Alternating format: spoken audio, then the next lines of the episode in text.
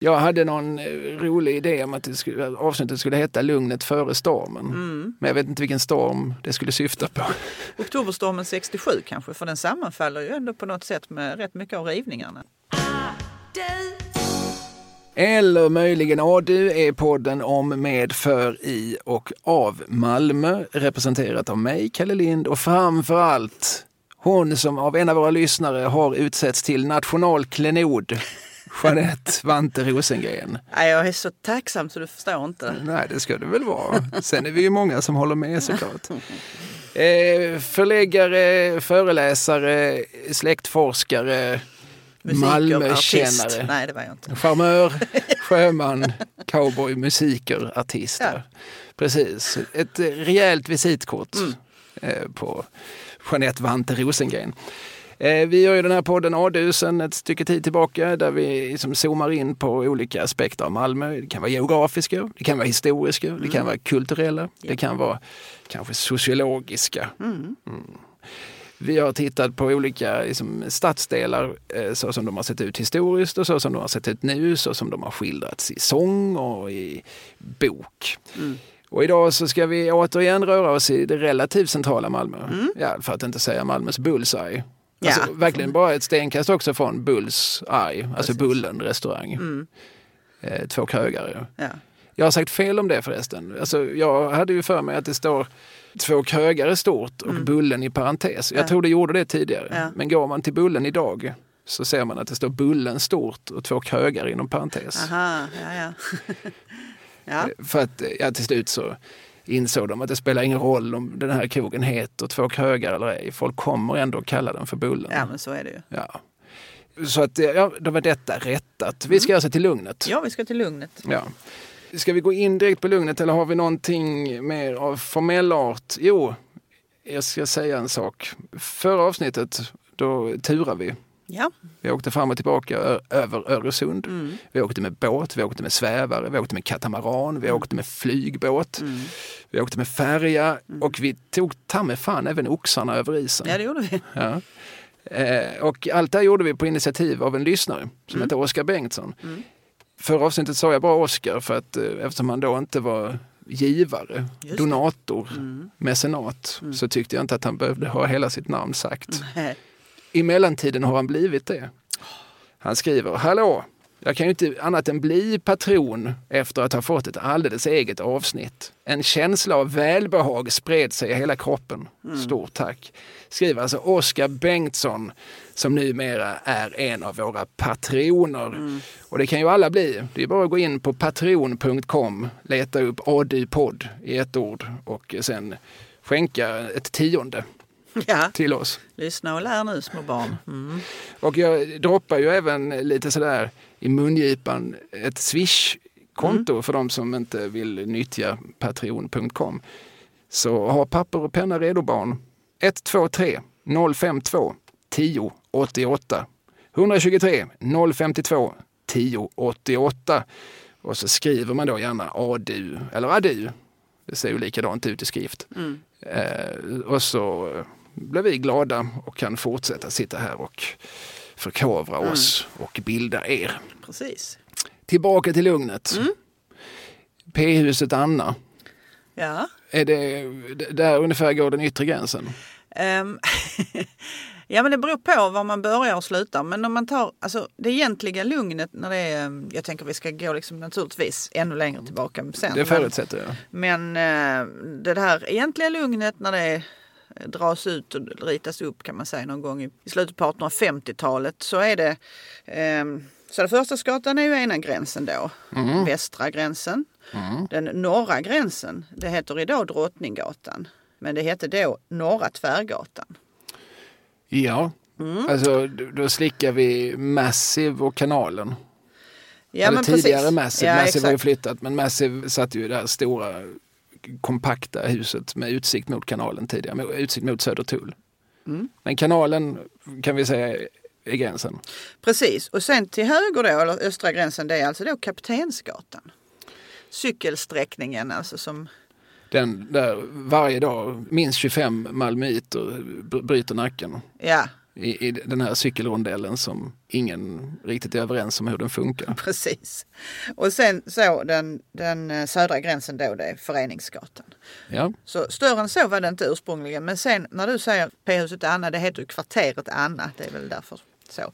Det har kommit till senare. Liksom. Då har man utökat Lugnet med, med en bit av Drottninggatan och sen ända ut mot Amiralsgatan ner mot Föreningsgatan.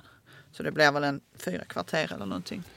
Ja, just det. Men, eh, men som du säger, när jag sa P-huset Anna, jag bara sköt från höften för att som du säger så, så har jag nog också alltid tänkt att Lugnet börjar så att säga väster om cykelstråket. Men idag så räknas P-huset Anna in. Ja precis, allting ut till Amiralsgatan. Jag gick eh, hit här nu till dig så gick jag, följde jag den gränsen hela vägen. Liksom. Och, ja. Ja.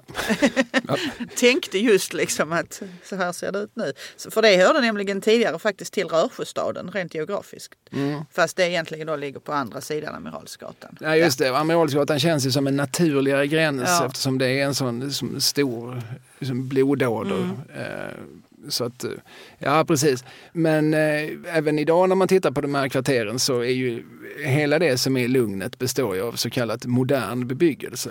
Ja i princip. Där är ju några gamla liksom, punkter sparade men det är ju inte mycket. Nej, men och på andra sidan, alltså bortsett från P-huset Anna, alltså den övriga husbebyggelsen där omkring, det är ju, det är ju äldre hus. Mm.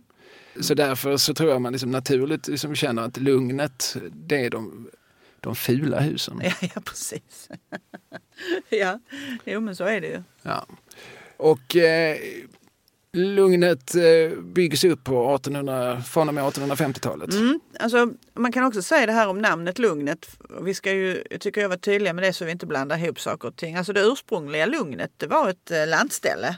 Två våningar som låg eh, ungefär där Storgatan mötte Västra Långgatan. Västra Långgatan finns inte längre. Så det, det är svårt att föreställa sig det här huset eftersom det låg vid en adress. Ja. Inte ens gatan finns kvar. Men om man tänker sig att man går in i, i Storgatan, alltså man har Bullen till vänster, så går man en bit upp på gatan och så ställer man sig och tittar åt höger där det nu finns hus där det en gång har varit en gata. Där ligger det, låg då det här landstället. Det fanns redan i början på eller eh, 1827 vet man att det fanns och sådär. Och det var en häradshövding som hette Johan Grote som hade det. Och sen stod det där tills det revs 1906. Men vi ska inte blanda ihop det med Lugnet ute i Möllevången. Det är många som gör det nämligen. För Ja, det är. Frans Suels och Anna-Kajsa av Trolles lilla sommarhus. Men vi kan konstatera att Lugnet var ett vanligt namn på sommarhus. Ja. Det var dit man åkte. Vi åker ut till Lugnet. Vi Precis. lämnar storstadens larm och stress Ja. Och tar oss till en lugnare adress. Kanske de sa, om, Mm. Ja. om de var lagda åt det, det rimmande hållet. Ja, Mm. och det, jag gissar att det byggdes som arbetarkåkor. Ja, precis. Och sen då så är det så att eh, Frans Henrik Kockum äger den här marken. Nu är vi då på 1850-talets mitt. Och eh, han har köpt upp den här marken, han har styckat upp den i små tomter och tänker ju ganska smart att han sen säljer dem vidare. Han är ju nämligen den som har startat Kockums mekaniska verkstad 1840. Som ligger ungefär där David Halls torg ligger idag. Ja, precis. I de kvarteren. Så då är det ju oerhört nära för hans eh, presumtiva arbetare. Bor nära, de har nära till sitt jobb. Det är en sorts eh, för, det är en fördel klart, men det är också en sorts social kontroll ju. Men han styckar upp det här och så säljer man och det, är, det roliga är att då eh, kostade det 75 öre kvadrat alnen ursprungligen för de som skulle köpa. Jag vet inte vad det är i dagens penningvärde. Nej, du är ursäktad att du inte har gjort den matematiken för det, det är så många led för att få fram en motsvarande siffra idag. Men det låter... Alltså en aln, minns jag rätt att det är sträckan mellan armbågen och handen? Ja, jag tror det också. Så att, och vad är det då? Det är ju olika såklart. Jag har ju själv orangutangarmar så att för, för mig är det ju som en, en, en halv meter någonting. Så en halv kvadrat, nej en fjärdedels kvadrat, nej det här blir för Ja, krångligt. det är den högre skolan man ska det- räkna ut. Man får gå in på Kungliga Myntkabinettet, där kan man faktiskt räkna om. Ju. Sån här, det finns en, Från kvadratalen jag tror det det. Det är alla möjliga sorters omräkningsapparaturer. och kubikfot och Mm. etc. Och inte minst myntfot måste man ju kunna. Precis. Okej, och så där flyttar då, eh, och det är folk utifrån. Det, Ja. För Malmö är en inflyttningsort vid tiden. Så är det ju. Det är folk utifrån landet och, och då är det så att de här inuti, liksom, kvarteren inuti, det är ju låga, enkla, oftast envåningshus, tegelhus, putsade och sådär. Medan de som ramar in det här, de har, har lite högre karaktär. Om man tänker sig att det står ju några kvar där som sagt också längs Amiralsgatan som är några våningar högre men även längs med Södra Förstadsgatan. Även om de är liksom från sent 1800 tidigt 1900-tal så ger det ändå en hint om hur det såg ut. Inuti området lägre hus. Små trevliga eh, gatuhus med odlingsträdgårdar helt enkelt. Ja, jag, jag föreställer mig att det ser ut som det gör då. Det finns ju sparade rester på Kirseberg och på Södra Sofielund. Ja. Som, eh, Gamla alltså, Väster lite grann också va? Ja, det finns, man kan, ja det kan man väl säga om det är som Jakob Nilsgatan och några av gatorna där omkring som har kvar lite av karaktären. Alltså det finns enskilda hus såklart, men också där man kan ibland liksom faktiskt se en hel gatstump ungefär som, som det torde ha sett ut då. Så ser det inte ut nu på Lugnet. Så, nej det gör det verkligen. Alltså, idag är det ju fullkomligt omöjligt att gå runt på Lugnet och göra sig någon sorts bild av hur kvarteren har tätt sig. Nej, men alltså, gatunätet ser ju helt annorlunda ut. När man gjorde om det så försvann ju... Det fanns ju oerhört många gator som eh, försvann. Eh, åter andra blev, istället för gata så blev de plötsligt gången. Alltså, Man bytte där- namn. ja, man bytte namn men det är också så att eh, gatan som låg någonstans fick den heta gången men på ett helt annat ställe inom Lugnet. Så att det ger inte någon egentlig ledtråd på det sättet. Men ja, det här lite myllrande eh, gatunätet försvann fullständigt till följd av den stora omändringen som skedde i slutet på 70-talet. Ja, är det slutet av 70-talet som den stora Ja, alltså man börjar... rivningen sker? Eller Ja. rivningen sker lite tidigare? Man börjar riva redan, eh, nu ska vi se här, 1967 redan så står Gabriel Winge och säger så här att, eh, alltså han var ju stadsplaneingenjör då. Och då säger han att stora delar av Lugnet är utdömt av hälsovårdsnämnden. Och då hade man redan rivit några delar inne på Lugnet. Men sen så blev det ju eh, ja, fram till början på 70-talet så blev det ju en massrivning. Och sen så står det ju i flera år väldigt öde som en gigantisk parkeringsplats nästan eller som ett stort bombhål och då var det 70 000 kvadratmeter stort så man får ju tänka sig det också. Ja, och det är väl i princip hela området mellan eh, kanalen och eh, Föreningsgatan. Ja, där är ju några som sagt, där är ju några hus på båda sidor om Kaptensgatan som är sparade. Bland annat ena där det är, där är ett eh, konditori. Om du kommer från centrala staden, så från norr, så har du det på den vänstra sidan där, hörnet av Kungsgatan blir det väl redan där. Men egentligen som en stor tundra med enstaka Ja. huskroppar Precis. utspridda till synes på måfå. Ja, Det måste ju sett helt bisarrt ut. ja visst Det måste ha varit en, en stor skamfläck. För, Såklart. alltså, vi pratar så återigen centrala stan. Eh, vår vän Martin Theander Mm. som är liksom diverse arbetare i diverse branscher, ofta med Malmöanknytning. Han har ju ett eh, väldigt starkt passionerat intresse för Lugnet och dess historia. Mm. Eh, och eh, han brukar hävda att, att det ser ut ungefär så här. Att eh, man bestämde sig för att riva Lugnet, man rev Lugnet och i samma ögonblick som man tittar ut över det här liksom ödelandskapet så kommer de in, alltså nu är vi inne på, på stadshuset, så kommer de in från rummet bredvid och säger Malmö tappar i invånarantal. Folk flyttar ut ur stan, vi har inte behov av de här bostäderna längre. Och i det ögonblicket så, nej okej, då har vi ju varken råd eller incitament att bebygga den här ytan. Och fortfarande enligt Theander så blir det senare så att, eh, att Skanska eh, får liksom köpa den här marken mot att bygg något. Alltså bygg vad fan som helst. Bara ni bebygger den. Ni får det för en spänn. Vilket eh, kanske är en myt men eh, tittar man på husen så tänker man att det kan ju vara sant. Det känns inte som att, det- att det fanns eh, liksom hjärta eller tanke bakom planeringen. Nej, absolut. Jag är den första att hålla med. Det är ju, det är ju så otroligt olika mot det som stod där innan och som man då på andra håll och andra ställen har kunnat. Det var också eh, områden som var ganska utdömda och där som, som var, det fanns brist på eh, bekvämligheter och sanitet kan man väl säga också på 60-talet. Men där man ändå lyckades liksom rädda det här. Kirseberg inte minst faktiskt ju, som också stod inför samma dödsdom nästan. Ja, och vi har pratat om Karel i kvarteren tidigare mm. och sådär och ju, även på Möllevången så mm. gjorde man ju en del, liksom, hävdar vi då från vårt 2020-tals eh, perspektiv, liksom bisarra liksom, ingrepp i stadsbilden. Men man gjorde det åtminstone fläckvis. Alltså, man behöll ändå vissa strukturer. Det fanns ändå enstaka hus och till och med liksom, halva kvarter. På Lugnet så så är det ju som ett stort stycke där det inte finns liksom någonting, alltså ingen reminiscens Nej. av det liv som fanns innan. Det fanns ju en, hävdar jag, jag brukar liksom säga att det finns en, en arrogans alltså när man gör så. Mm. Alltså det spelar ingen roll, det här kommer vi komma in på, att det här gjorde man inte för att man var onda människor. Utan tvärtom, vägen till helvetet är kantat av goda föresatser. Mm. Eh, men det finns också den här idén att vi nu, alltså på 60-talet, vi vet mycket bättre än alla människor som någonsin har bott här tidigare. Mm. Vi vet exakt, nu vet vi hur alla människor vill bo. Mm. Så nu tar vi bort allt gammalt. Det spelar ingen roll om de som bor där säger att vi trivs. För det gör de egentligen inte. Mm. Då har de sociala ingenjörerna räknat ut att de egentligen inte gör. Det är klart att du mycket hellre vill ha centralvärme och, och eh, rinnande vatten. Ja, det vill jag väl, men kan du inte installera det i det hus jag bor i? Mm, mm. Nej, det går inte för att du vill, du vill inte bo så här trångt. Ja, men jag trivs ju. Så mm. kan man, det spelar ingen roll hur mycket man står och tjafsar för att de här stadsplanerarna eh, och eh, liksom den här, hela den här liksom tidens maktelit de var så övertygade om att de hade rätt.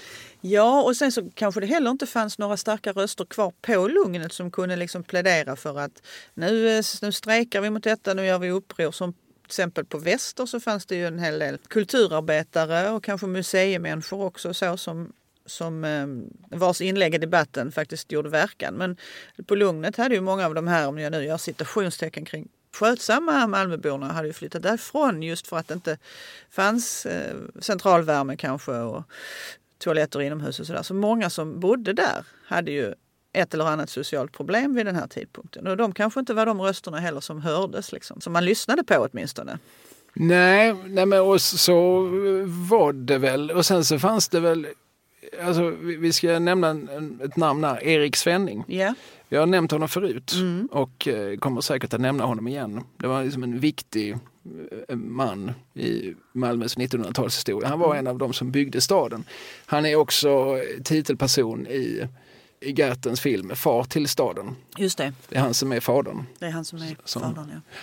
Precis, han var en, en röd patriark, mm. en eh, sosse som satt i, i alla tänkbara styrelser och eh, som gav sitt liv och sin karriär för att, från hans perspektiv för att människor skulle få det bättre. Mm. Och han såg också till att väldigt många människor fick det bättre vad gäller, mm. återigen, centralvärme och rinnande vatten. Mm. Han var uppvuxen på Lugnet. Ja, jag roade mig faktiskt med lite nu avbryter jag kanske dig. Ja, nej, fort, nej, det är bra. lite för att genealogi. Det kanske bara är en myt. Nej, men det är han ah, på sätt och vis. Han var född 1901. Han var född i kvarteret Nektorgalen. och detta ligger ut med Kaptensgatan. Eh, och så följde jag honom och den här, det var en oerhört rörlig familj som ju många familjer var på den här tiden. Men jag tror att han bodde på 12 olika adresser innan han var så pass vuxen att han flyttade hemifrån och så småningom då skaffade egen familj. Eh, så att han bodde, visst han bodde på Lugnet en kort tid när han var väldigt, väldigt späd. Men sen så flyttade familjen runt va? och då bodde han mycket, han bodde i kvarteret Korpen, han bodde liksom på, på han bodde bland annat också på, på Frisgatan 22 2022. Det är roligt, där kommer ju sen Club Bongo att etablera sig på 60-talet. Men det är en annan historia. Men i alla fall. ja. och så bodde han faktiskt också tillsammans med familjen i kvarteret Elefanten något år. Och det är precis det kvarteret som ligger liksom snett emot Bullen om man kommer på Södra Förstadsgatan, svänger höger ner i Storgatan. Man kan se ett visst mönster, att åtminstone en del av hans barndomsadresser ja. lät han riva. Ja, precis. exakt. Frisgatan Faktiskt, 20, ja. 2022 kanske står kvar? Eh, nej, det gör den inte. Nej, Nej. nej. okej. Att- Vi- Exakt så är det. ja. Eh, Det här är intressant för det finns en parallell i Stockholm så, så hette ju motsvarigheten Hjalmar Mer. Mm. Han är ju ökänd. Alltså han eh, var också en man som la liksom 120 timmar av sin arbetsvecka på att eh, från sitt eget perspektiv då förbättra och han, han brukar liksom ses som den ansvariga. Han brukar vara liksom spottkoppen när folk som pratar om liksom rivningen av Klara-kvarteren. Då. Alltså där nu Sergels torg och, och framförallt den liksom fullkomligt vidriga bebyggelsen bakom Kulturhuset i Stockholm. Alltså där, det- där det ser ut som om man går runt i en dystopi. Mm. Eh, alltså det, det är så själsdödande att, eh, att man blir man vill gå hem och Mm. först ta livet av familjen och sen sig själv. Eh, nej men, och, och Hjalmar Mehr var ju då, han var socialborgarråd och en, alltså, det, framförallt den som hela tiden fick försvara detta, det var ju såklart, han var ju inte ensam om att fatta de här besluten. Nej. Eh, det fanns också någon som hette Helge Berglund som också var administrativt ansvarig för mycket av detta. Almarna i Kungsan är ju en sån där eh, nyckelhändelse, symbolhändelse från 71 när de ville ta bort urgamla almar ur stockholmarnas vattenhål, Kungsträdgården, för att där skulle då byggas en tunnelbaneuppgång. Och en av vår stads stora söner, Mikael Wiehe, han har skrivit någon sång om almarna i Kungsan. Där han eh, sjunger ungefär, jag citerar fritt ur minnet. Det fanns en man i Stockholm en gång, jag säger inte mer. Eh, och så berättar han då om almarna och eh, folkets möjlighet att göra skillnad. Och så här. Men den är Hjalmar med. Han var själv också uppvuxen i Klara-kvarteren. Ja. Han hade liksom samma perspektiv där. Liksom det finns ingenting att vara sentimental om. Det finns ingenting att romantisera. Nej. Alltså jag minns tillbaka på, på min barndom. Den bestod av löss, den bestod av köld, den bestod av frost. Alltså långt in i maj så bet sig frosten kvar i, i, som i tageldukarna vi hade som täcke. Det var liksom alkoholism, det var hustrumisshandel, det var misär. Det finns ingenting värt att behålla och bevara. Varför ska vi inte bygga nytt, fräscht, fungerande? Ja, tanken var god men eh, Ja, Erik Svennings son heter ju då Olle Svenning. Har i många år varit en nyckelspelare i, i sossepartiet. Han, fanns, han var en av Palmes pojkar. Och eh, har skrivit i Aftonbladet i, tror det är 2000 år eller så. Han har också skrivit en bok som heter Lojaliteter, min far, inom parentes S. Det det är så svårt att uttala, min fars, min far. jag tänker far, alltid att det är fel att det ska vara min fars lojaliteter men eh, den är ju, det står ju verkligen på andra hållet. Så. Ja, precis. Eller min fars. Ja, nåväl, eh, den här boken Lojaliteter kan man väl säga ligger till grund för Gertens eh, film Far till staden. Olle Svenning medverkar också i den filmen. Men han skriver om just den här tiden. Rivningarna beskrevs som klassfrågor. De som protesterade, ibland, var skribenter i stans högertidning, alltså Sydsvenskan, och så mina lärare i realskolan och gymnasiet. Den malmöitiska arbetarrörelsen kände stolthet när det mäktiga Södertull restes vid kanalen och när Domus och Tempo ersatte gamla kvarteret Korpen. Lugnet, så romantiserat av dem som aldrig behövde bo där, var för min släkt löss och fattighjälp. För mig mest ett ställe dit vi kunde gå för att köpa brännvin under tonåren. Ett eh, perspektiv som är ju viktigt att ta med när vi nu sitter och dömer ut dagens Lugnet. Absolut. En intressant eh, detalj är att den här boken Lojaliteter är idag från 96 och det här är nog ungefär vad, vad Olle Svenning skriver om Lugnet där. I filmen Far till staden som sen kommer fem år senare, 2001, så vill jag minnas att eh, Olle Svenning är mer kritisk mot Lugnetrivningarna.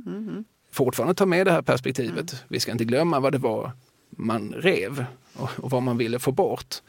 Men eh, för där resonerar han lite grann om de människorna som bodde på Lugnet när rivningarna skedde. Som ju ofta var en sorts eh, vinddrivna snedseglare, alltså folk från socialgrupp 3,5. Eh, och så frågar han, vad hände med dem? För det perspektivet har han inte riktigt med i boken som han förskrev.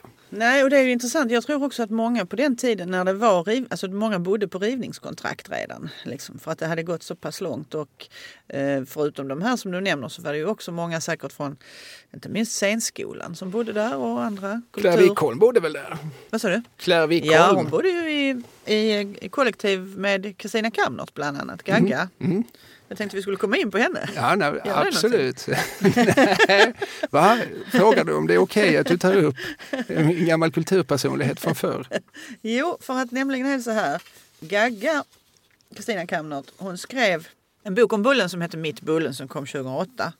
Och i den så nämner hon något om hur hon bodde i slutet på 60-talet som jag tänkte kunde vara intressant i sammanhanget. Det kapitlet heter Lampföringen var viktig på Lugnet. Och så skriver hon så här. 1969 började jag gå på Bullen. Den låg på Storgatan, nästan i hörnet av Södra Förstadsgatan, i utkanten av Lugnet. Snett emot låg en öde tomt. Där stod en fotogenpump. De flesta som bodde där hade fotogenkaminer. Alla hade utedass. Under en period delade jag ut tidningar där. Jag var rädd för råttorna. Bredvid fotogenpumpen låg Sture Johannessons ateljé, han med haschaffischen. Kvarterspolisen sa att det var lugna kvarter, bortsett från att björkarna som bodde där slogs med en annan familj från backarna. Vår kvarterspolis var snäll. Ibland följde han mig hem från Bullen. Han skulle inte ha velat ha sin dotter boendes där, sa han. Den stora gatan i Lugnet, Kaptensgatan, var raggarstråket. Det låg en kiosk där, där Kungsgatan började. Det var raggarnas tillhåll. Där fanns också en telefonautomat som fungerade. Under några år bodde jag i huset bredvid kiosken. När den stängdes av för att det var dags för flytt, då var det riktigt mörkt när man kom hem på natten. Jag bar alltid med mig en ficklampa. Lampföringen var viktig. Man fick nämligen inte skrämma den som sov i trappan. Så jag lyste alltid uppåt mot väggen. Från Bullens fönster såg vi hur raggarna misshandlade de som gått i första majtågen och var på väg till Bullen. Så jag var lika rädd för raggarna som för råttorna. Men för att komma hem på natten in på gården och upp för trappan så måste jag gå till den närmaste raggarbilen och be om hjälp. Berätta hur fruktansvärt mörkrädd jag var. Då blev raggaren som en storebror för mig och följde mig in. Sen gick det bra. Och så skriver hon då om att hon bodde där, i början bodde hon där ensam för att hennes man som var sjöman var ju ofta ute och reste på andra sidan jordklotet och eh, och så vidare. Och så vidare. Och så skriver hon, fortsätter hon då att i början var mina grannar invandrade jugoslaver som det hette på den tiden. Men efterhand flyttade de ut och uteliggarna flyttade in. Och vad jag minns så var de i mycket sämre skick på den tiden. Ja precis, alltså det här är ju, känns ju inte eh, tokromantiskt. Nej. Det här är ju den eh, mörka sidan. Och eh, som sagt, det är ju viktigt att vi tar med det perspektivet mm. så att när vi inte sitter och blir för nostalgiska över något som ingen av oss riktigt har upplevt. Nej men precis, för det, man kan ju också se när man tittar på gamla bilder, det ser ju oerhört eh, pittoreskt och mysigt ut med de här små gatorna med stockrosor utanför och lugna gator där inte bilarna körde i någon större omfattning, barnen lekte fritt och så vidare. Men det är klart att det fanns flera delar av detta. Ja, sen frågar man sig absolut, ja, men det var väl alla överens om, det var, alla tycker väl det är härligt med ett WC. Alltså Inomhus? ja, ja mm, precis. Mm. Det är väl bara liksom någon, eh, den där korta, det där korta fönstret några veckor i juli när man hyr något gammalt ruckel i Småland som man kan tycka det är lite charmigt ja. och, och sitta på fjölen. Ja, knappt då. Men nej, precis. Annars tycker man ju härligt att kunna dra i en spolspak och ja. så är man av med det. Ja. Eh, alltså det är ju inte det någon vill ha kvar nej. egentligen. Eh, råttor är ju ett problem än idag. Det är vi väl överens om att det hade varit trevligare att gå genom Kungsparken på nätterna om man inte då och då hade sett siluetterna av, av skadedjur. Mm. Stora som labradorer. Ja, ja visst. Och, ändå kan de ta sig in genom ja. alltså, alltså, fem kronor stora hål. Det där, det där är inte riktigt vad jag gillar faktiskt. Nej, tanken. Nej, men inte det... jag heller. Nej. Men jag blev ändå lite glad när jag sa det märkte jag. Nej, men, alltså, så det, alltså, det där råder det ju konsensus mm. om. På något vis så tycker jag som hela diskussionen som ju någonstans har förts sen innan de här rivningarna, alltså sen slutet av 50-talet egentligen har, ju den här, har det här varit en diskussion som har förts i Sverige om det här är, ska vi göra detta, mm. är det rimligt? Alltså det, det är ju ingen mig veterligt som har propagerat så mycket för utedass som sådana. Nej. Sen så har väl en del tyckt att ja men vad fan, om det sänker hyran och så kan man bo där några år när man är mellan 20 och 25. Mm. Då kan man väl bo på fjärde våningen utan hiss. Och, eh, då kan, står man väl ut med att frysa lite och, och, och leta lite ved i containrarna på gatan och så här. Det härdar ungdomen. Ja, men det gör det väl. Mm. Jag tror Stig Claesson, Slas, han brukar prata om det. Att unga människor behöver ingen hiss. Fyra trappor med en kasse folköl kan man gå. Ja, ja. Det är precis.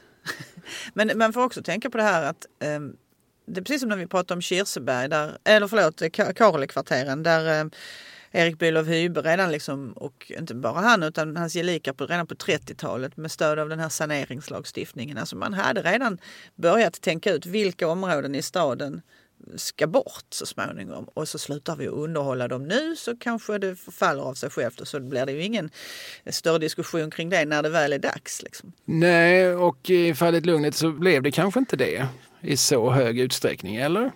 Var det några, alltså för man tänker ju ändå om nu Claire Wickholm och Per Eggers och Ja. ja. scenskolegänget eh, bodde där och bodde billigt och bodde eh, liksom, ja med massor med umbäranden men ändå med när, närhet till, till bullen och med låg månadskostnad. Bråkade de om det? Jag tror det handlade mycket om att de faktiskt passerade en viss gräns så att de ungefär så här gifte sig eller i alla fall skaffade sig relationer och barn. Och då så insåg de att kanske vi inte ska bo kvar här längre. Just i den generationen i alla fall. Nej men jag menar, ja för sin egen del ja. Men, men just det här för man hade ju då kunnat tänka sig en kompromiss. Man hade ju kunnat tänka sig att vi gjorde liksom en varsam sanering av Sverige. Istället för det man ju då faktiskt gjorde att nej men nu, nu bombar vi det här till eh, fotbollsplan och så bygger vi upp ett nytt fräscht och om du frågar mig avsevärt fulare Sverige. Visst är det så.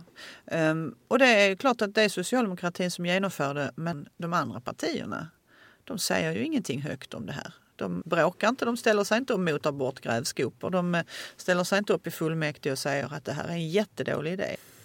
Nej, precis. Alltså, då pratar vi om de styrande partierna. Mm. Alltså, som jag förstår det så väldigt mycket av motståndet, och då pratar vi inte bara om Malmö utan då pratar vi om rivningarna även i Stockholm, Göteborg och i alla svenska städer egentligen. Motståndet var ju någon sorts ohelig allians av en sorts kulturvänster och en sorts gammelhöger. Mm, mm. Ja, jo. Eh, Det är ju sådär känt att just vid almarna i Kungsan, det var ju hippies. Det var ju Johannes Brost i, i sina absolut mest utställda jeans och sina, sina fräckaste näbbstövlar. Det var ju de som slogs. Ja. Men eh, Kardemumma, en gammal Östermalmskåsör som åkte Rolls Royce, han kom ju ner och, eh, och gav dem sitt stöd. Han kom ju ner personligen och sa det, det, det är bra ungdomar. Eh, för att han, tyckte ju också att almar var vackra. Han tyckte inte att man skulle eh, liksom, hugga ner almar för att bygga något så oerhört banalt som en tunnelbaneuppgång. Nej, precis. Nej. Ehm, och jag tänker på det här när man träffar gamla Malmöbor så finns det ju många sådana här romantiska sidor, skildringar av Lugnet. Att dels finns det de som tycker att att det var en skam att det revs, det var rart, det var romantiskt, det var pittoreskt, det var mysigt. Sen finns det ju också de som säger, precis som, som Olle Svenning sa, att ja, men det var där man gick dit och handlade en kvart arenat eller någonting sådär. Så man förstår också att det fanns en, en, en lite kriminell aura, i alla fall vissa år då. Men Ja, och tänker så- Gagga skriver ju om björkarna. hon skriver om, precis om björkarna som var en sån här känd busig familj. Ja, inte bara i Malmö. Bj- Björkar fanns det lite överallt. Alltså det var ju en... Då för tiden så, använde man då T-ordet. Resande säger vi idag om den här li- liksom lite diffusa folkgruppen som alltid har haft ett rykte om sig av att vara brutala och försupna och svartmuskiga och farliga. Och eh, det kanske det många gånger också var på grund av olika liksom, sociala omständigheter som de själva kanske inte alltid rådde över. Men eh, fa- familjen Björk finns lite här och var. Ja. Och det är många som har skrämt sina barn med, med, med, med, med, björkarna. Därmed Ja. inte sagt att alla, björk, alla som heter Björk på något vis är kriminella. Men det Nej, nej. finns många historier från många orter Mm. om just eh, eh, människor av släkten Björk. Mm. Nej men såklart va. Och, och det, vi är överens om det där att, att det finns båda delar. Men det som jag är lite förvånad över det är att jag har inte hittat den här, den här det är många som har skrivit om lugnet men nästan alla har beskrivit det på samma sätt. oavsett tidsålder. Och då får man gå, jag, jag är redan tillbaks på, nu ska vi se, Carl Gustav Ossian Nilsson. Mm, Proletärförfattare. Född Men- 1875. Okej, Ja. så vi, han skriver då tidigt 1900-tal. ja. Och då skriver han, det, detta är bara någon mening så här, men bakom Betel, alltså kyrkan som låg på Kaptensgatan, där låg ju nämligen en stor, oerhört vacker röd tegelkyrka. Som tillhör Missionsförbundet, alltså eh, i kvarteret Mård, precis där det här stora höghuset ligger. Mm, Det, vad kan det vara? 12 våningar eller något sånt där? det kan det nog vara. Mm. Eh, I alla fall, då skriver Ossian Nilsson så här. Bakom Betel låg arbetarstadsdelen Lugnet med sin ständiga lukt av garvsyra, cikoria och kålsoppa, sina pantlåneskyltar och sin stenläggning som hedrades med smeknamnet Småalperna. Ja. Ja, Den där eh, koldoften eh, återkommer många till i sina, Ja. sina skildringar. Det måste ha luktat eh, från många, både från spisar och koppar. jag skulle säga både före och efter intagandet. Mm. Ja, precis, ja. Ja men det är ju Mm, eh, återkommande fattigt, i, i så här olika fattigskildringar. Mm. Alltså just trappuppgångar där man liksom slås. Man öppnar dörren och så får man liksom en, ett slag i huvudet av Mm. den här liksom kompakta koldoften. Rotsaker var ju fattigmanskost Precis. på den tiden. Billigt och drygt och nyttigt också ju. Eh, Sen har vi Nils Wallin som skrev om Lugnet på, redan på 1880-talet alltså. Då formulerade han sig så här. Det var mycket lätt att råka ut för äventyr och obehagligheter i den tidens Malmö.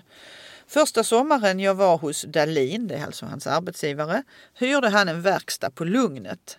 Den var belägen en trappa upp under takpannorna i ett envåningshus. Lyckligtvis var det åt norrsidan där solvärmen var mindre besvärande. Huset ägdes av en försupen kvinna som bodde i ett litet rum inåt gården. Där satt hon dagen lång med bibeln och brännvinsflaskan på bordet och drack och svor. Ibland ensam, men ofta tillsammans med några karar som hade sitt tillhåll i en träkåk inne på gården. Kvinnan var hemsk att skåda. Man fick en riktig rysning i kroppen när man fick se hennes av sprit, smuts och vanvård vanställda ansikte. Ögonen sutto långt inne i sina hålor, håret hängde neråt ryggen, hakan och näsan höll på att, mö- höll på att mötas över den tandlösa gommen och ur hennes mun flödade ett språk som ingen annan än en viss potentat kunde finna behag i att höra. Men vilken potentat åsyftas? Jag vet faktiskt inte detta. Det, här, det är inte helt eh, Var det någon potentat tydligt. som var känd vid tiden för att tycka om det lite skabrösa? Ja, 1880-talet, vem Ja, skulle det det kunna låter vara? intressant. Ja, så fortsätter han då med att skriva. Varje kväll samlades inne på gården en hop karar som söpo och slogos så att kåken skakade sina grundvalar. Om dagen var de ute var och en på sitt håll för att vigga pengar till brännvin. Och så fortsatte det dag ut och dag in. Och värdinnan satt och skrattade som en vansinnig häxa åt det hela. Ja. Nej, det låter ju inte så mysigt såklart. Om, om, det, om det här var representativt för hur lugnet såg ut de år som det existerade. Men om vi då liksom tar oss framåt under 1900-talet Mm. så någon gång åtminstone om vi är inne på 60-talet så blir ju Lugnet lite grann en sån här klassisk tillflyktsort för ja, unga konstnärer och kulturarbetare. Eh, Så som det ser ut också på många ställen i landet vid tiden. Det fanns många liksom, centrala lägenheter och hus som stod relativt tomma och var tämligen billiga. Eftersom man ju då under, samtidigt som man rev i innerstäderna så byggde man också förorter i Malmö då, liksom miljonprogramsområden runt omkring staden. Här är det fräscht och fint, här, hit kan arbetarfamiljerna flytta. Och så tömdes vi- vissa stadsdelar och istället så kom då Claire Wikholm. Precis. Och Sture Johannesson och Jacques Ja. Och, ja. Precis, Ja. precis. Och Sture Johannesson och hans, inte minst hans hustru Charlotte Ja. som var eh, väverska, eh, textilkonstnär. Mm, Och eh, de flyttar in på Lugnet 1966. Mm. Och adressen är Östra Långgatan 8, den finns inte längre. Va? Nej, nej. Då döper de då sin lokal till Atelier Cannabis Mm. Som sen blir Cannabis Workshop och eh, Galleri Cannabis. Mm. Man ser ett tema. Men precis. Och det verkar ju ha varit ett ställe som man hade velat besöka. Eh, faktiskt. Alltså Sture Johannesson är ju, det nämndes som hastigast i en av dina texter där, han är ju mest känd för vad heter, alltså haschflickan brukar vi kalla den. Den heter Revolutionary Ja. Consciousness, Precis. ja, någonting sånt. Ja, just det. Den mycket berömda skildringen av en eh, kvinna med eh, 60-talets eh, syn på pubisbehåring som, som står i en skog av Che Guevara eh, och eh, har en pipa i munnen ur vilken det stiger ett hampablad. Dessutom så finns det ju då liksom infällt i bilden Delacroix eh, Precis. berömda målning från franska revolutionen. För att han vill tydligt visa att det här finns liksom en historisk kulturell koppling. Revolutionen då, revolutionen nu. Mm, och, eh, han tillhörde då de, Sture Johannesson tillhörde de som ansåg att cannabis någonstans var ett medel i den stora revolutionen. Revolutionen skulle kanske mer ske på insidan än på utsidan. Just, står det inte också underground is coming? Jo. för mig. Mm. Det är alldeles rätt. Den här togs ju fram för en utställning på Lunds konsthall och eh, eh, orsakade palaver, Ja, skandal. man fick väl stänga ner, var det inte så? Ja, och eh, Folke Edvard som var chef blev utslängd. Ja. Han tog sen sin fru Inga och hennes teatergrupp Nationalteatern till Göteborg. Där han istället blev chef för Hagahuset som det var lika mycket skandaler kring. Han var en man som inte, som inte verkade liksom sky kontroverser. Han Han började sin, sökte dem snarare. kanske. Ja, jag tror han började sin karriär som konsthallsintendent med den här också mycket berömda eh, pornografiska utställningen. Det var ett, eh, ett amerikanskt eh, judiskt Manhattan-par som hade samlat erotisk konst från hela världen. Mhm. Och som också ställde ut, hon ställde ut sig själv på utställningen Jaha. i bara andedräkten. Ja, ja. Eh, och det var det ju såklart eh, ett herrans liv om. Och sen Mm. följde han upp det då med att bjuda in Sture Johannesson att göra en, en affisch. Men det här är ju ändå 60-tal tänker jag. Men var de inte mer... eh, Frigjorda. Ja, jag tänkte det. Ja men somliga var ju det. Sture Johannesson var ju mer frigjord än, någon Mm. är idag. Men å andra sidan så var ju så att säga etablissemanget var ju betydligt mindre härdat än vad det är nu för tiden. Alltså, så det fanns ju liksom, det var ju lättare att vara rebell på 60-talet. Ja. Det var ju lättare att liksom Såklart, sticka ut. Och, säga fuck you. Ja. Idag säger alla fuck you så det inte, hörs inte. Nej, precis. Och denne Sture Johannesson var ju en fascinerande typ på många sätt och vis. Tro det eller ej, men han var lite kompis med Peps Persson Mm. och gjorde hans eh, skivomslag. Han var ju pionjär, han hängde i San Francisco där det också fanns en, en sorts eh, cannabiskultur, cannabisinfluerad kultur. Och, men där det, där ju också så småningom Silicon Valley och hela liksom, internetvärlden hade sin vagga. Så att eh, Sture och hustru Charlotte de var ju där redan i slutet på 70-talet och köpte med sig IBM-datorer. Och åkte hem och gjorde... Liksom, var, var, Datakonst. ja, precis. Och var ju som svenska pionjärer på att medelst datorer ta fram bilder. Men kan vi tänka oss att Sture, för han hade också sin ateljé där i galleriet då va? Mm. Eller hur var det med det? Har han alltså gjort de här flickan med haschpipan på Lugnet? Jag vet inte, men det är en kvalificerad gissning att han bör ha gjort det.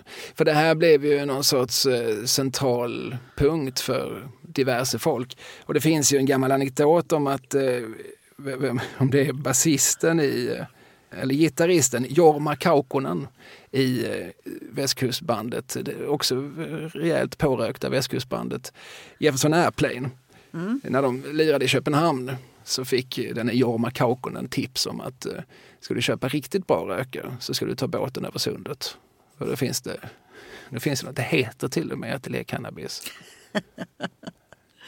You won't miss it. Och sådär. Så att eh, någon sorts... Och eh, de, var han ändå i staden som innehöll Christiania?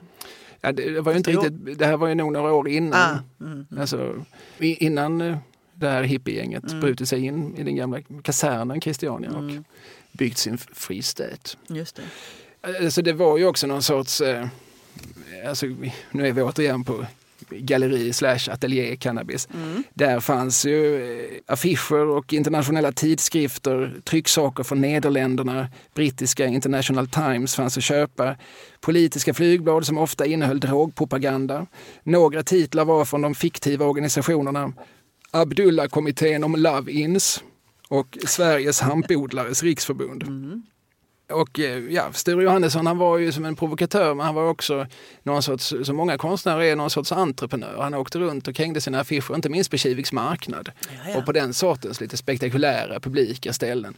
Det fanns ju också en idé om att konsten ska inte vara på gallerier, ska inte vara liksom uppe i elfenbenstornen och ska ut till folket. Mm. Och sen skulle ju då konsten också vara, vara liksom politisk. Och han såg ju liksom cannabisen som, som sagt som en del i, i den politiska kampen. Det handlar om att förändra våra sinnen. Det här, och det här var ju som en amerikan, alltså framförallt så här, liksom en San Francisco, LA trend. Där fanns ju de här Jerry Rubin och Abby Hoffman, de här jippisarna som, som kallar sig själva för marxistiska trippare.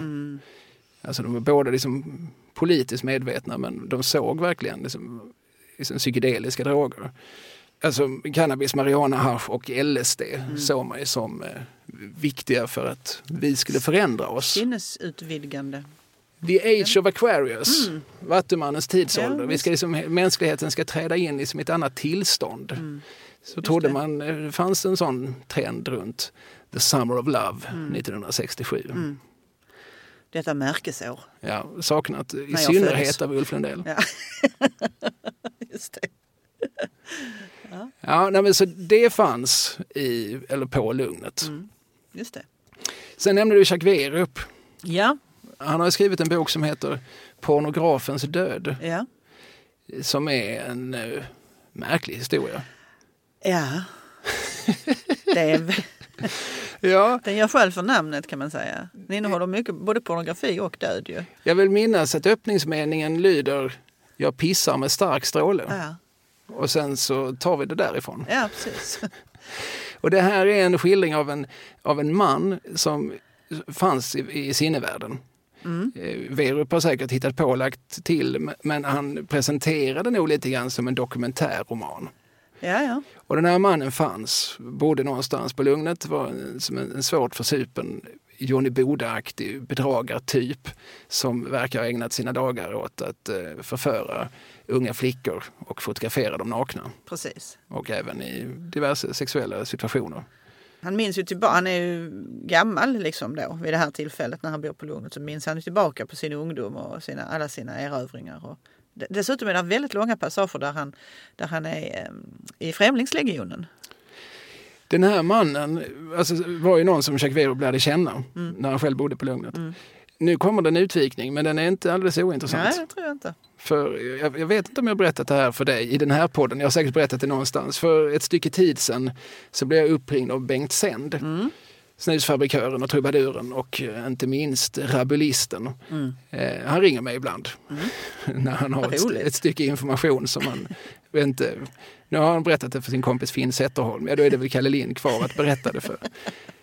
Och då berättade han att hans hustru, hans, eh, Bengt bor nu för tiden nere på spanska solkusten, så lever som rentier. Han sålde sin snusfabrik till, till Gotia Tobak, eller Swedish Match för 12 miljoner. Och det första de gjorde var att lägga ner den, ta bort sin enda konkurrent. Det var, så, det var liksom det som var syftet. Det brydde inte sig Sänd om. Nej, men han berättade att hans fru släktforskat, för Bengt Sänd hade aldrig vetat vem hans pappa är. Hans, eh, det fanns en person han kallade pappa och en person som eh, modern sa var hans pappa. Och sen hade hans bror en annan pappa. Eh, sen visade det sig när han hade topsat sig och hans fru hade suttit med liksom, DNA på den nivån att hon, ingen av de här papporna är din pappa. Eh, Och så småningom så lyckades hon spåra upp det till en person som då, alltså det här var ju nu, i, i nutid. Men, men den här personen hade dött någon gång i början av 80-talet och bott på Lugnet i Malmö. Och successivt så hade de förstått att Bengt Sens pappa, det är den person som Jacques Werup skildrar i Pornografens död. Oj, oj, oj. Och det här med Främlingslegionen hade han själv påstått att ja, ja, jag hade ett antal år där jag var i Främlingslegionen. När de tittar på det så ser de att han har inte haft något pass. Eh, och eh, utan pass var det svårt att ta sig till Frankrike i efterkrigstidens Europa. Så att förmodligen är hela liksom, stycket med Främlingslegionen som den här personen förmodligen har berättat för Jacques Werup och som Jacques Werup med stora ögon har sugit i sig. Eh, och sen reproducerat. Förmodligen är det bara ett falsarium. Det har han läst i andra böcker och så har han kokt ihop det till, till sin egen berättelse. Liksom. Ja, nej, men vad, vad, som händer är att en ung Jacques alltså är han född 40, det har vi Fyra, diskuterat för. Eller 45 någonstans. Mm. Ja, och någon gång på 60-talet så hamnar han på Lugnet. Mm. Om, om, man, om man bor där, det gör han förmodligen i perioder i alla fall. Och så lär han känna en figur som han fascineras av. För att den här personen är ju alldeles uppenbart gränslös. Han, han verkar liksom inte riktigt eh, skämmas för att han lever för, att han verkligen ägnar sitt liv åt att eh, eh, ta nakenfoton. Eh, och eh, Jacques Weber börjar väl prata med honom. Och eh, så här, kanske liksom med skräckblandad förtjusning men ändå får man säga utan moraliserande, utan fördömande så, så lyssnar han på den här mannens historia. Och, eh, tänker väl som författare också att det här, det här blir ju bra. Såklart. Det här kan Det jag ju... Ja, precis. Och skriver så småningom då den här liksom semibiografiska romanen Pornografens död. Där är då förmodligen inte ett ord är sant. Men, men det roliga är att Werup nog inte visste hur mycket som var osant. Nej, just det. Alltså det är så många nivåer Ja. av, av verklighet här. Det är verkligen en kinesisk ask. Det En mytoman berättar för en mytoman som tror sig berätta mytomanens sanning. Men som ju ser till att tydligt säga att det här är en roman fast den bygger på sanningen. Fast den bygger inte på en sanning för det är ju en mytomans påhitt. Och mytomaner visar sig vara far till Bengt Sänd. Ja, det, är, det borde nästan sättas upp en liten skylt, tycker jag. Ja, och var ska den då sättas? För att eh, hur vet vi Ja. var, var det gamla lugnet fanns? Nej, men alltså i pornografens död så berättar eh, det här berättarjaget som ju heter Jim, eh, vadå? Jag har glömt efternamnet, Lanebrandt kanske? Eller någonting. Låt oss säga det för sakens skull. Han berättar att eh, vid flera tillfällen så nämns det att han bor på Kaptensgatan. Men nu sitter ju Jacques Werup och skriver det här på någonstans på Österlen där han bodde då i slutet på 80-talet och kanske inte riktigt har koll på var Malmögatorna börjar och slutar. För att det nämns flera gånger också att han bor där på Lugnet och så tittar han ut över Kamrergatan. Vilket är en fullständig omöjlighet om man inte har kikarsikte som kan skära igenom byggnader och stål och järn och betong. Och det hade inte den här pornografen. Nej, nej, nej, Det vågar vi säga. Men vi kan väl anta att det... Jag kan tänka mig ett litet citat bara ur den här boken. För att eh, få en känsla av också hur... hans- Ska vi triggervarna? Kommer det vara mycket grovheter? Nej. Nej du, du, har, du har hittat det enda stycket. Ja, det är de fem raderna där det inget nämns som handlar om Sånt där. sånt där. Ehm, nej, men då har den här Jim, han har ju levt um, ur hand i mun kan man säga ett antal år då och då. Så har han plötsligt har hans pappa dött och så har han fått ett litet arv och så har han köpt sig ett litet pörte på Lugnet. Och då skriver Jacques Werup så här. Eget hus, vilken obeskrivlig känsla. Efter fyra år i Rännstenen, Ungkarlshotell, Frälsis, vinstkontor, Stadsmissionen, källarprång och horkulor. Efter dessa hundår ute bland syfilisterna, som legionärerna kallar alla civilister. Eget hus, ett ruckel kanske, men med tak, golv och fyra väggar. Ett slott, ett chateau med kallvatten och kokseldning, med piskur i vasken och skithus på gården, på Lugnet i Malmö, stadens fattigkvarter par preferens. Där är varken grevar eller baroner särskilt nogräknade med finishen. Ett eget kryp in. En låg 1800-talslänga mitt i det idylliska gyttret av luskulor för bara 10 000. Jag får pengar över till kläder, möbler, staffli och kamera. Ja, Det är inte heller så romantiskt. Nej, nej. Men, eh, Nej, och det ska man väl säga. Det, det är det som är intressant med en sån här, det perspektivet som Werup har. Alltså, och det, för att komplicera det ytterligare, alltså, han skriver den här romanen, som du säger, i slutet av 80-talet, eller under 80-talet i alla fall. Och då är ju, då är ju lugnet borta och Ja. eh, mannen han skriver om är, är nog också död och begraven. Utan som du säger, Werup sitter på Österlen i sin nya sin nya utsiktspost och eh, liksom minns tillbaka. Vad var det nu han berättade för mig? Och eh, återigen, alltså, Werup var nog genuint, eh, kanske inte imponerad, men fascinerad av den här mannen. Alltså, han lät sig inte chockas av de bilder han nog blev förevisad eller de eh, berättelser som den här gubben berättade. Utan eh, återigen, Werup tänkte att det här det är, en fascinerande bok att läsa i 2021 i, liksom i dessa moraliserandes och fördömandenas tid. Mm. Där vi hela tiden måste liksom stanna upp och triggervarna och säga att det här är problematiskt. Alltså den här boken är ju från första meningen till sista är den ju problematisk. Mm. Werup går inte in och säger vad som är rätt och fel. Nej, absolut inte. Så att eh, plötsligt är jag helt utlämnad som läsare. Måste jag behöva tänka själv nu? Ska jag ja. behöva ta ett beslut här? Ska jag fortsätta eller ska jag lägga ner den? Ja, så, Precis. Men nej, det är ju inte romantiserat på det viset utan det är tvärtom närmast någon slags, alltså det är nästan att jämföra med gotisk skräckromantik yeah. när man på 1800-talet eh, liksom verkligen romantiserade död och, och mm. skräck och, och, mörker och fladdermöss. Mm. På samma sätt så, så romantiserar liksom Werup eh, horkulor. Just det, ett och, intressant ord. Och, och eh, vad, vad han hade i köket, en pisskur. Ja, men man, eh, man, han pissade i vasken. Det var väl det man gjorde. Och sen så var det ju det var, det, det var inte liksom en särskild, utan det var, det vi gissar att det var samma vask som användes för, för dis, disk och, och, kaffekok och ja. Eh, urinering. och sen, sen kan man också lägga ett lager till och titta vem är det som skriver det här då? Ja, men han är, han, Jacques blev ju alltid, som kom från en helt annan social kontext, han blev ju alltid inspirerad av det som var lite sådär unket och luffigt och ruffigt på något sätt. Ja precis, så han jag vill nog ändå säga att han lägger på någon sorts lager av mm. romantik. Mm. Alltså där han, där han blåser upp, alltså det naturalistiska mm. blir romantiserat. Såklart, visst. Uh, ja, nej, men det är en bok jag, jag ska inte säga att jag rekommenderar den, men om man, om man vill få sina sina olika föreställningar en smula ruckade på mm. så är det liksom intressant att läsa mm. om en, ja, Ja, ja men absolut. Nåväl. Mm. men, men Vero bodde på Lugnet, det vet vi. Ja, men det har han också gjort. Jag kommer dock inte ihåg vilken gata, men det, det var ju där, där han och Gagga, de hade ju också en, en romans och eh, var ett par under en period. Mm. Verup hade nog romanser. Han hade nog det. Mm. Han var... han var ju en stilig karl, gudskelov. Ja, absolut. Så jag tror att uh, det var ingenting han heller stack under stol med. Nej. Utan han återkom ofta till damer. Mm. Det var liksom ett tema i Werups liv. det kan man väl säga. Nåväl. Eh, jo, men nu har vi flera gånger liksom pratat om det här, alltså, eller nämnt som hastigast att gatusträckningar och sånt ser drastiskt annorlunda ut mm. mot nu. Mm. Eh, återigen vår bekant Martin Theander som själv bor jämte Lugnet. Mm. Eh, och det tror jag vi har nämnt i den här podden. Han har också sett till att hans bostadsrättsförening i gången som är mellan eh, Södra Förstadsgatan och Brogatan. Mm.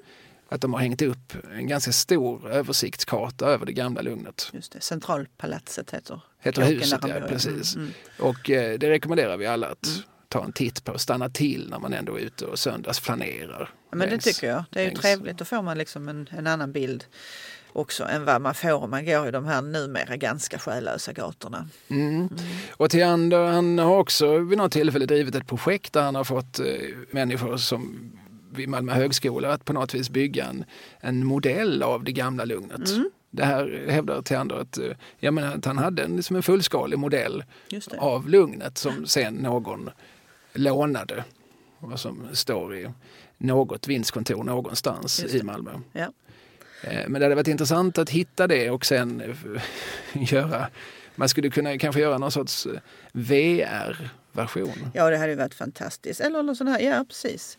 Så att man kunde gå i de här gatorna och kanske medelst någon Ja, jag vet inte vet jag. Men, Nej, men man får ta på sig sådana här fåniga glasögon. Ja.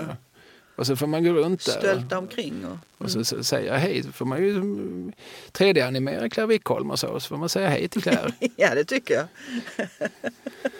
Claire är en viktig figur. ja, jag vill nog säga att det, det, det, är liksom runt henne jag bygger min bild av det gamla lugnet. Någonstans i, i mitten står Claire och så runt om det så finns det liksom en och tvåvåningshus där det bor eh, olika sorters vinddrivna gestalter.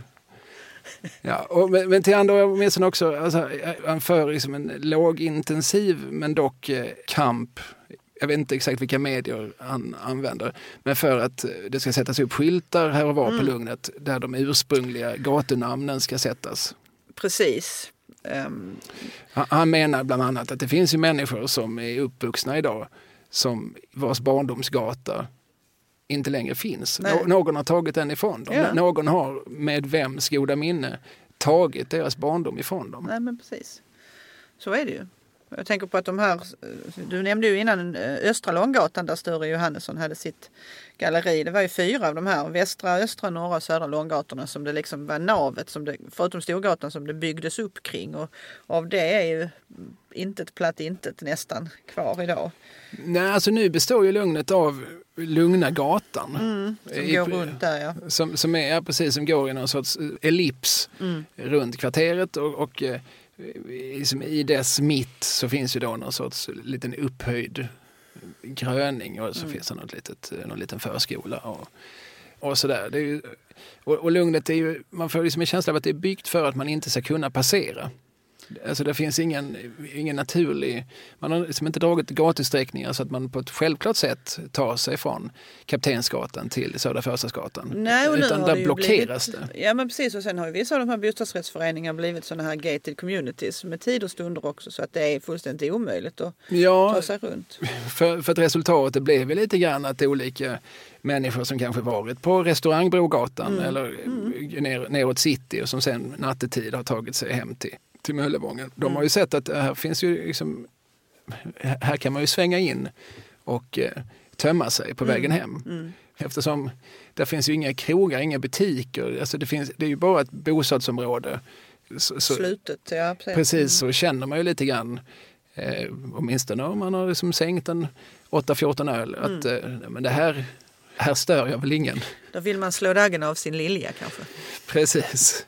Nej men det, alltså när man bygger så, eh, så om man tänker som staden, den är mm. vår. Mm. Där, den är till för oss alla, där har vi alla liksom både plikt och rätt. Mm. Eh, Lugnet är inte byggt som en stad. Nej. Lugnet är byggt som en förort. Det är alldeles kompakt, inga naturliga... Alltså det är ju som sagt Storgatan. Mm. Men sen så resten, alltså man får ju cykla i kringelikokar och det är ofta smidigare att, att cykla på ena sidan av istället för att någonsin korsa lugnet. Precis. Och då, då blir inte det här en del av allas utan det blir någonting som jag, jag känner ingen som bor på Lugnet. Jag känner ingen, ingen lojalitet med Lugnet. Jag känner alltså, behöver jag tömma blåsan så är väl Lugnet så gott mm. som något annat mm. ställe tänker inte jag såklart. Men så, tänker, så, så tror jag att, att många har tänkt. Ja. Och de på Lugnet har ju då med all rätt tyckt att nej, varför ska, ska våra portar användas som toaletter? Mm. Låt oss sätta upp en grind. Mm. Och på samma vis så känner inte de då att men, våra gator är allas. Det är ett farligt sätt att bygga. Ja. Och jag tänker också ut mot Föreningsgatan, alltså om man kommer runt eh, den gamla saluhallen som ju faktiskt står kvar. Um, och fortsätter liksom Föreningsgatan sen, sen är det ju sådana här, det är ju oerhört slutet. Där, där är ju inga ingångar. Där är ju bara, det ser ut som en mur liksom som, mm. som går runt. Det är en liten, liten eh, smatt. Mm. Som, alltså precis bredvid saluhallen där du kan ta dig in mm. på lugnet. Just det. Eh, men då kommer du från, eh, från cykelbanan. Alltså det, ja. alltså det, det, är absolut inget naturligt. Det är ingenting du hittar till av en slump utan det, det när man kanske har bott i stan i tio år så tänker man jag kanske ska testa att gå det hållet. Mm. Och då ska man tänka sig att, tänka att det här var ett, ett, eh, den här just framsidan eller beroende på var man är, alltså men den, vad blir det då, den södra sidan här, där var ju ett stort salutorg, alltså framför där eh, saluhallen ligger nu, där den här öppna platsen. Alltså, då, då ser det naturligtvis helt annorlunda ut. Det fanns ingen eh, cykeltunnel och undergång och sådär. Yngvessons undergång. Men, eh, men då, då, istället så Södra, Södra torget hette det väl va? Eller Södra salutorget. Stor marknad där som naturligtvis var en, dit gick alla husmödrarna och handlade sin kål till kålsoppan och vad det nu kunde vara. Det har varit en helt annan levande plats. Och den tillhörde då det som fick eh, stryka på foten vid den här första liksom rejäla rivningen. Ja, jag tror inte, namnet försvann inte förstås från mitten av 80-talet men själva torget var ju inget torg längre då utan det hade det fanns inte på det, alls på det sättet längre. Nej. Kallas den undergången för Yngvessons undergång? Uppkallat tror efter den gamla sossepampen Som ju också var oerhört eh, med beslutande i just det här med rivningarna. Det Ja. finns, eh, ligger fortfarande på SVT Play en dokumentär som heter Folkhemmets arkitektur. Mm. Där såklart Gert Wingård, så fort någonting har med populär arkitektur att göra så får han ju uttala sig, Mm. är intervjuad. Men också Nils Yngvesson. Och den diskuterar väldigt mycket utifrån en gammal Malmökonstnär som målade mycket. Jag kommer nu inte ihåg hans namn. Ronny... Ja men hård va? Det Ja. känner jag igen plötsligt så får jag... Ja, it's all coming back Ja, det utgår ganska mycket från Ronny Hårds målningar av, av eh, det, ny, alltså det då nybyggda modernistiska 70-tals-Sverige. Ja. Eh, och så diskuterar filmen eh, varför det ser ut så här. Vad det var för krafter som, som drev på detta. Och Nils Yngvesson är där och försvarar sig. Och försvarar, där, han, är, han är väl den sista som försvarar den sista som var någorlunda ansvarig för det där som finns kvar och som kan berätta hur de tänkte och berätta att vi ville faktiskt väl. Ja. Och det är roligt, du har ju nämnt vår vän Martin Tiander här och han var ju också engagerad i det som Auto Images har gjort, den här guldgärningen med hjärtas Malmö-filmerna. Va? Där man har samlat in både privata filmer och olika reklamfilmer och allt möjligt som handlar om Malmö genom åren. Och i en av de här volymerna så finns det, eh, dels finns det ju om det gamla lugnet på 60-talet Eh, en film. Och sen finns det också Hur blev det nya lugnet? Och då är det kanske runt 1980 och man har sänt ut en, en reporter som står och pratar med de här unga människorna som har flyttat in. För då är det ju barnfamiljer som har flyttat in på Lugnet. Och, och några unga tjejer som står vid sina cyklar och eh, reportern lägger i oavbrutet orden i munnen på de här. Ni tycker väl att det är bra att bo här? Ja, säger de. Pratar ni med grannarna? Nej, alltså de har, det visar sig att det finns liksom ingenting av det här lokala samhörighetskänslan som man måste ha haft på det gam- gamla lugnet där man har känt sina grannar och hjälpts åt och passat barn och allt vad det var. Här har det liksom fullständigt raderats ut. Det är som Och det det blir så stort och opersonligt. Ja, precis. Och som det också blir när, när man bygger så enorma områden Mm. från scratch. Alltså för då är alla är ju nyinflyttade. Mm. Ingen har ju sina rötter här. Ingen har ju en historia. Ingen, det finns ingen anledning att fråga, vet du möjligtvis var närmsta systembolag ligger? För att det vet ju inte någon annan mer än vad man själv gör. Nej. Vi är ju alla någon sorts nybyggare. Precis. Och, och det, det där är ju ett fenomen som, som många har vittnat om överhuvudtaget. De som flyttade till de nybyggda områdena Ja. från, ja, från 50-talets slut och framåt. Men det är såklart inte unikt för Lugnet, nej men det, det är Nej, men, men, men det är ju en effekt som blir. Alltså att vi, vi, och där, då tror jag också lite grann att, att solidariteten med lojaliteten med lokalsamhället försvinner. Så till slut så är det liksom bara egentligen sin egen lilla kub man skyddar och som man har en relation till. Jag, jag tror det här är ett eh, väldigt lätt blir ett resultat Mm. när man gör på det här viset. Och Ja. ja, ja nej, och Erik Svenning återigen, det är väl en eh, anekdot som vi har reproducerat tidigare men som vi kan dra igen. Det heter, jag vet inte var jag har läst detta, men att eh, när han fick sätta spaden i marken för att beordra rivningen av Lugnet. Mm. Det var Erik Svennings största stund Ja. som eh, verkställande, exekutiv stadsbyggare. Alltså när han fick riva Lugnet. Med sina egna händer. Ja. kan liksom eliminera det som Och lösen och skektorna. Precis. Och det finns ju någonting som är lite sorgligt i det. Alltså han, han byggde ju en massa. Han var med och byggde Malmö stadsteater. Han byggde, alltså, de byggde saker. Men, men det, enligt legenden då, stoltaste ögonblicket, det var när han fick ta bort och därmed liksom ta bort ett stycke historia som han själv hade mycket svårt att se någonting romantiskt i. Jag tänker också så här, man ska, det finns ju några gator i Lugnet som eh, inte finns mera men eh, eller jag tror den heter Gottfridsgången nu. Det, som har, det fanns ju Gottfridsgatan och det fanns Lorensgatan.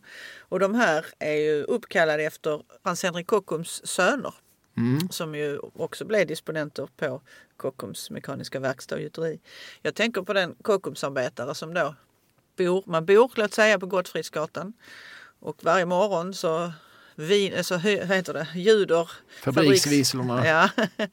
och i det gråa töcknet så stiger man upp och så äter man sin kålsoppa och sen så stegar man iväg och jobbar sina 10-12 timmar någonting och sen går man hem igen och så bor man dessutom på en gata som heter som sin chef eller Mm. är uppkallad efter sin chef. Ja. Man, man är verkligen Lite ägd ja. av Kockum. Ja, ja. Jo, så är det ju. Och, eh, och det här hade säkert Svenning också med sig, att så här ska ingen behöva ha det. Nej. Eh, Det var ju också som en stor del liksom av, av, liksom, av den socialdemokratiska ideologin bakom väldigt mycket av de här liksom, statsstrukturella omvandlingarna. Det var ju just att eh, samhället ska finnas där. Vi ska inte vara beroende av liksom, enskilda kapitalister. Mm. Och jag har all förståelse Mm. för mycket av tankegångarna. Mm. Eh, Men jag tror att de tänkte fel när de så helt lierar sig med liksom, den modernistiska arkitekturen och Mm. det modernistiska, eh, alltså Le Corbusiers eh, Ja, idéer om, om den praktiska staden. precis. För jag tror inte vi vill bo i praktiska städer. Nej. Jag tror vi vill bo i irrationella städer. Mm. Jag tror det är det som skapar stad. Mm.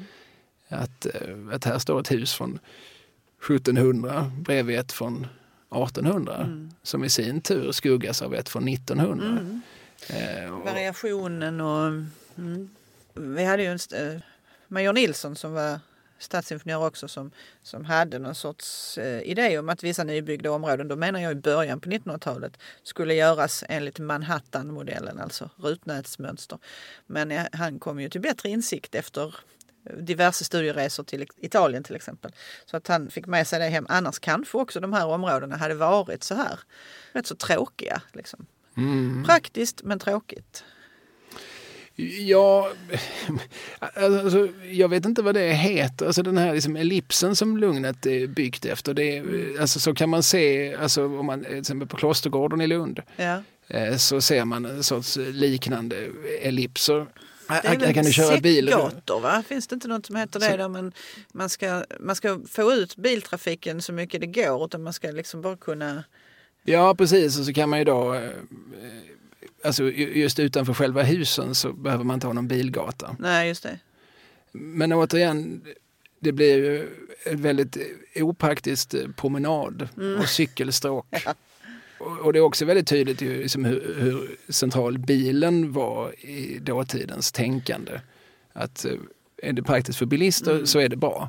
Precis. Sen tänker man också på att människor inte ska behöva gå ut på gatan och bli påkörda utan att eh, precis utanför husen så, så ska man slippa biltrafik men man ska ju samtidigt ha väldigt, väldigt nära till sin bil för man ska ju inte, Men man ska inte behöva gå runt och strosa. Nej, nej, nej, i onödan. Nej, men och sen är det de här stora tunga huskropparna som är sammanhängande. Det är ju klart att det blir solens strålar kommer ju aldrig ner känns det som. Eh, raljerar jag va, men det är ju klart att det är en stor skillnad mot när det var eh, mindre, lägre enskilda hus med små trädgårdar runt om. För det har man ju inte heller eh, återskapat. Det är ju inte den grönskan som det en gång var heller naturligtvis. Ska vi nämna någonting om Brogatan också? Ja, restaurangen. Ja, precis. Som ju ligger på gatan Mm, med samma namn. just det. Alltså, där kan man ju liksom se återigen den här bilden med den här rivningskulan som inte riktigt når ända fram. Nej, just det. Där, där finns också lite bevarat liksom i ett hörn av lugnet. Mm. Och restaurang Brogatan, när jag kom till stan på 90-talet och framförallt när jag var som mest ute i svängen i början av 00-talet så var ju Brogatan ett självklart pitstop. Ja, absolut. Man började på Möllan, där stängde de klockan ett. Mm. Så att halv två då ungefär så gick man ner till Brogatan där de stängde klockan två. Mm. Det vill säga man kunde vara där till halv tre. Mm. Och sen gick man då till Tahonga på Sankt Jörgen vid Gustav Ja. Adolf. Där de stängde först klockan fem. Lyssnade på flygelmusik, ja. Ja, det var så, så en fredag och lördag och ibland måndag. Den Och till och med torsdag kväll. såg ut på det sättet. Ja, ja men eh, och Brogatan hade ju då lite så här, det var lite konstnärskrog. Där kunde man öppna dörren och råka slå den i ansiktet på Pierre Dalander. Ja, Eh, Absolut. Och, och där eh, syntes både Mikael Wiehe och Fredrik Ekelund och olika popmänniskor och inte minst eh, tillresta. precis. Det var ganska vanligt att eh, något band som råkade lira på KB eh, sen fanns på, på Brogatan. Mm, ja. Och den hästskoformade bardisken. Jag har varit på en mycket illuster efterfest där med mixed media. Mm. Med Inga-Lill Dunsö. Ja, jag är väldigt stolt över detta faktiskt. Ja, Mixed Media, jag vet inte om det är ett hushållsnamn längre, men, men de var som ett tidigt så kallat kvinnoband. Mm. De hade väl också uttalad feministisk agenda. Det var Malmös svar på Röda bönor ja. som fanns i Lund. Precis. Och någon gång på just 90-talet så hade de någon sorts revival och spelade på Victoriateatern och sen så, så, så hamnade vi med dem på, på efterfest där. Men det, det, har varit olika krögare men Staffan Asker är ju en av dem som har satt en tydlig profil på, på restaurang Brogatan genom åren. Ju. Och David Kallos. Och David Kallos efter honom, ja precis. Mm. Jag har för övrigt varit på Brogatan med Petra Mede en gång. Det var också intressant. Oj, oj, oj. Jag tror att när vi gick så stod det 20 drinkar på hennes bord som olika Alltså, jag känner inte till det här, men det, för jättemånga människor verkar det vara en självklarhet. Åh, oh, där är en känd tjej. V vad dricker du? Eh, alltså sa hon namnet på någon drink. och sen bara liksom kom, matades det på. Jaha. Jag har aldrig varit med om det med någon annan. Alltså den sortens uppvaktning. Alltså de krävde ingenting i gengäld. Det var inte så att de sen satte sig vid bordet utan det är tydligen det. Ja, du är känd så från tv. Ja, då ställer, ställer man in en drink. Du Petra har lett Eurovision så ja. att uh, du ska ha en drink. Ja, det är klart Petra ska ha en. ja, det var ju tur att hon inte drack upp dem för ja. att uh, det hade hon nog inte varit återhämtad från än. Nej, det kanske är så. Men, men eh, och, och dess placering där, alltså, jag tror att det var när, när jag började hänga på Brogatan som jag också började liksom fundera på lugnet. För att återigen, det är så märkligt med centrala kvarter som är så anonyma. Mm.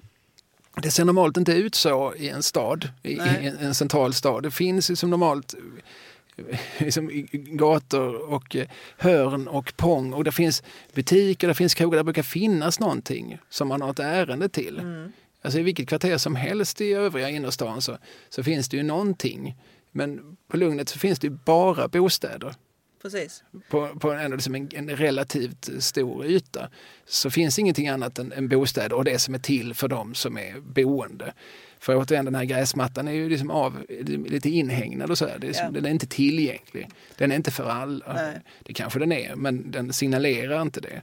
Nej, verkligen inte. Och jag tänker att det var en himla tur att det blev så himla poppis att gå dit. För annars hade ju de aldrig haft en kund med det läget. Att det blev ju en, en hype kring det och så såklart. Så att som du berättade. Men med, med den bakgate... Stämningen som det ändå blir. Det eh, fanns verkligen ingenting annat som... Man brukar ju dra varandra. En krog så öppnade en krog bredvid och en restaurang och en tobaksaffär och så vidare. Men eh, de, de hade verkligen ingenting där som... Nej, det var en solitär och man fick ta... Det var inte, som, det var inte den självklara... Eh, alltså när man cyklar från Möllan och dit så fick man ju ändå svänga av lite. Mm, det, var liksom inte, det låg ju inte på något vis längs den självklara huvudleden. Nej. Och sen om man går ut från Brogatan, va? jag tänker när du Petra med efter alla dessa drinkar gick ut ställde där. Så liksom snett upp eh, tvärs över gatan så ligger där en pytteliten eh, tarm som heter Brunnsgatan som inte är större än att man får in två soptunnor och en halv bil där någonting. Det känns som den är bara, man, vad är detta? Men tittar man på gamla kartor så den här gatan har ju varit mycket längre. Den löpte ju ut i det som nu är triangeln naturligtvis innan det här, alltså bankhuset, det här svängda 30-talshuset kom på plats. Men idag tror jag att den är en av, eller det är en av Malmös kortaste gator. Men i hård konkurrens med eh, Maltgatan på Kirseberg. Mm. Mm. Uppe vid Kivaparken där. Som är väldigt, väldigt kort. Och så finns det något som heter Larm gränd vid eh, residenset som är, dock är inhägnat idag så man kan inte komma in där. Men det är väl de tre som tävlar liksom om Malmö, och vara Malmös kortaste gata tror jag. Ja, det är prestigetungt. ja. ja, nu är det nog mest folk som... Fast nu är den väl stängd restaurangen? Eller är den, har den öppnat igen? Eh, oklart. Alltså, jag vet inte om du har läst i tidningarna men det går inom pandemi nu. Ja, precis. Eh, så att allting är plötsligt oklart. Ja. Och alla ens gamla vanor har ändrats. Sant. För krögaren, nämligen eh, Marcus Andersson tror jag som hade restaurangen på Översten, alltså på Kronprinsenhuset. När den stängdes där för att Akelius renoverade huset så flyttade han till och tog över, köpte Brogatan. Och sen stängde den igen och jag vet inte vad som har hänt sedan dess. Nej, det finns säkert någon av våra lyssnare som eh, känner till oss Ja. som kan upplysa oss. Det kan man göra på adupodd gmail.com. Eller så kan vi googla på det, men det är roligare att ha någon sorts interaktion. Mm. Du, eh, har vi pratat färdigt om lugnet för den här gången? Det kan vi ha gjort. Ja. Eh, stormen Mm. eh, 67, Ja. drog den just genom lugnet? ja, den drog nog över hela Malmö. Men det var i oktober 67, det var en förfärlig storm. Men som slet med sig alltså Ja. Skilt, vad heter det, trafikskyltar Ja. och cyklar. Och, och människor. Absolut. Förödelse alltså. Var det hus som fick byggas om efteråt? Eller? Eh, det vet jag inte riktigt exakt, men jag kan ta reda på det. Vet vi om det fanns några dödsfall? Det vet jag inte heller sådär i huvudet. Det var bilar, var det bilar som rycktes med? Alltså, ja, ja, men det var det ju. Och jag har sett bilder från Lorensborg just där det var en förfärlig eh, oreda. Mm. Där frågar jag lite grann eftersom jag nu har bestämt att det här avsnittet kommer att heta Lugnet före stormen. Så att, nu har vi pratat om lugnet före stormen som vi pratar om här i slutet. Så nu blev det en adekvat avsnittstitel. Vi sa det inledningsvis, patreon.com. Där söker man upp ADU-podd i ett ord med två D. ADU-podd. Eh, så kan man skänka oss en slant om man så vill. Vi hörs igen om två veckor, då ska vi prata om något annat. Ja. Ska vi säga så så länge då? Det gör vi. Ja, så har vi. Hej! Hej.